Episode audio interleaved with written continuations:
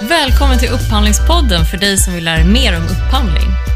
Nu kommer vi ta ett sommaruppehåll och som en liten sommaravslutning ger jag, alltså Jessica Molén, tre tips till dig som ska handla upp tjänsteentreprenadavtal enligt AF. AF står för Avtal för fastighetsförvaltning och service och omfattar precis som det låter fastighetsförvaltning men också bland annat teknisk drift, städning, skötsel av utemiljö och annat. Vill du kontakta Upphandlingspodden så finns både jag och Magnus Colling på LinkedIn. Hör gärna av dig till oss om du har en fråga som du vill att vi belyser i podden eller om det finns någon annan fråga som du bara vill ställa till oss direkt. Tre tips när du ska handla upp fastighetsrelaterade tjänster är Förstå när du ska välja AF eller ABABT. Alltså tänk på att olika regelverk gäller för byggprojekt, det vill säga ABABT och drift, där standardavtalet kallas AF, det vill säga avtal för fastighetsförvaltning och innehåller regelverken ABFF och AF-definitioner. De stora regelskillnaderna mellan regelverken handlar om garantier, tidplanerna ser helt olika ut eftersom ett byggprojekt har ett start och ett slut med en färdigställande period och en överlämning, medan drift är ett löpande arbete. Dessutom ser försäkringsansvaret olika ut och reglerna kring besiktning i bygg kan snarare motsvaras av statuskontroller av ett fastighetsbestånd och i drift eller förvaltning. Och vattendelar man kan tänka på eh, det är att i drift generellt så är avtalen uppbyggda för att främja ett löpande arbete, alltså i form av tillsyn och skötsel som kan schemaläggas och det ser likadant ut varje gång. Det som avviker då från regelmässigheten är det avhjälpande underhållet som kommer plötsligt och kräver en åtgärd inom ramen för en viss tid. Där är skillnaden från bygg, det är att man genomför ett projekt som ska resultera i en färdig produkt i form av en skola, en målad vägg eller en ombyggd kontorslokal eller reinvesteringar av produktionskök och sådär. Sen har vi nästa tips, det är kunskapsbehovet i upphandlingen. Upphandlingsmässigt så skiljer sig ofta kraven på en upphandlare, alltså när fastighetstjänster eller byggprojekt ska handlas upp. För upphandling av förvaltning, utemiljö, fastighetsteknik och sådär, så ligger ofta ett större tekniskt kunskapsansvar på upphandlaren. Man behöver förstå, förstå upphandlingsföremålet rent tekniskt för att kunna ställa kraven på rätt sätt. Man måste kunna avtalsstrukturen, den är rätt komplex. Man måste kunna leda och styra förvaltare i det här för att få in den kunskapen man behöver, eller driftledare och sådär.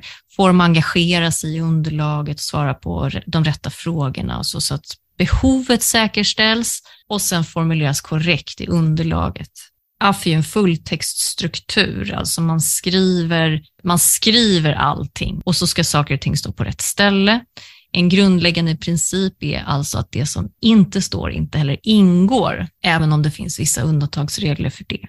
Eftersom strukturen är så pass komplex och omfattande så är risken för motstridigheter också ganska stor, alltså att det gömmer sig texter i underlaget som strider mot varandra så att någon regel tar ut en annan eller man, har, man förväntar sig att någon ska tömma papperskorgarna tre gånger i veckan, men sen så står det någon annanstans att det bara var två gånger i veckan och så är det ett fast pris på det och då kommer det bli det som är billigast för leverantören, så där, till exempel. Det är en motstridighet. Det gör att man behöver ha stor kompetens om AF för att liksom förstå vad saker och ting ska stå, vad det ska innehålla, så kraven alltid hamnar rätt och blir på rätt nivå och inte strider mot varandra. Och att det håller en juridiskt korrekt balans också för att möta den egna organisationens gränssnitt.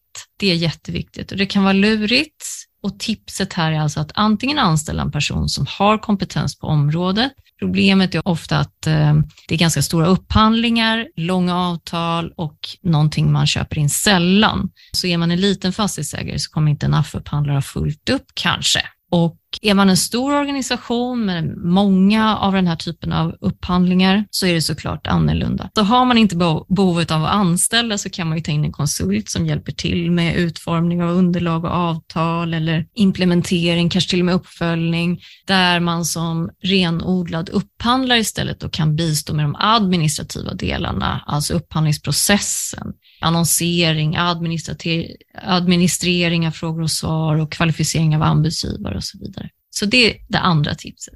Tredje tipset är kunskapsbehovet totalt. Se till att regelverken se till att ha regelverken hos er så att de finns där så att ni kan använda dem och sen så utbildar den egna organisationen i både regelverk, struktur och specifika avtal så att man kan använda sina avtal, alltså att hålla den nivån, den kunskapsnivån och se till att inför avtalsstart så har man alltid en genomgång med kanske eh, beställare och leverantörer gemensamt det, det kan vara otroligt värdefullt. Och det är liksom för att säkerställa att båda parterna förstår sin roll, sitt ansvar och sen så för att döda alla frågor och olika typer av uppfattningar som ofta gror inom ramen för samarbete. Så man är liksom, ja, vi har rensat, vi vet vad vi, vad vi vill och vad vi ska. Och sen kan man ha liksom en årlig genomgång för parterna då, där man kanske i samband med kontraktsmöten eller någonting fräschar upp de här kunskaperna och rensar upp i, i beskrivningar av organisation med nyckelpersoner och sådär. Ett bonustips har jag till alla. Det är att eh, inför en upphandling så gör man en kalkyl. Det betyder att man räknar på vad det här avtalet borde kosta det ser jag som en extremt viktig läxa att göra. Alltså problemet är att man ofta jämför inkomna anbud som man får i en upphandling med vad man betalar idag för befintligt avtal inte vad man borde betala idag. För i ett avtal så tillkommer och avgår fastigheter, det tillkommer och avgår eh, tjänster och så vidare. Så man behöver liksom göra en ordentlig kalkyl för att rensa upp och räkna på vad, vad, vad är det det här avtalet borde kosta.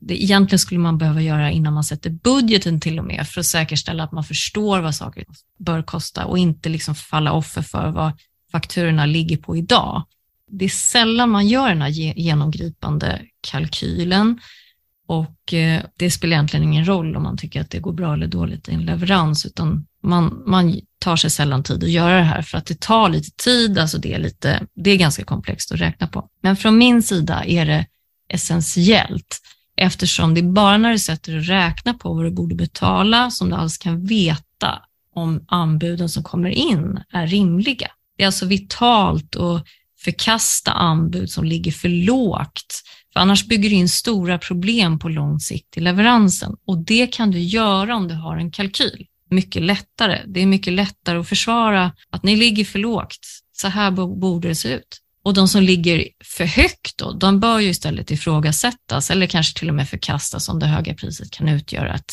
sakligt skäl.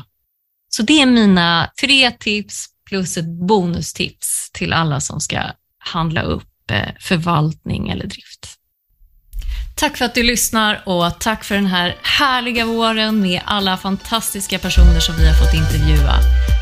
Nu önskar vi er en härlig semester och ett extra tack i vanlig ordning till Erik Stridell på Bybrick som har gjort vår jingel.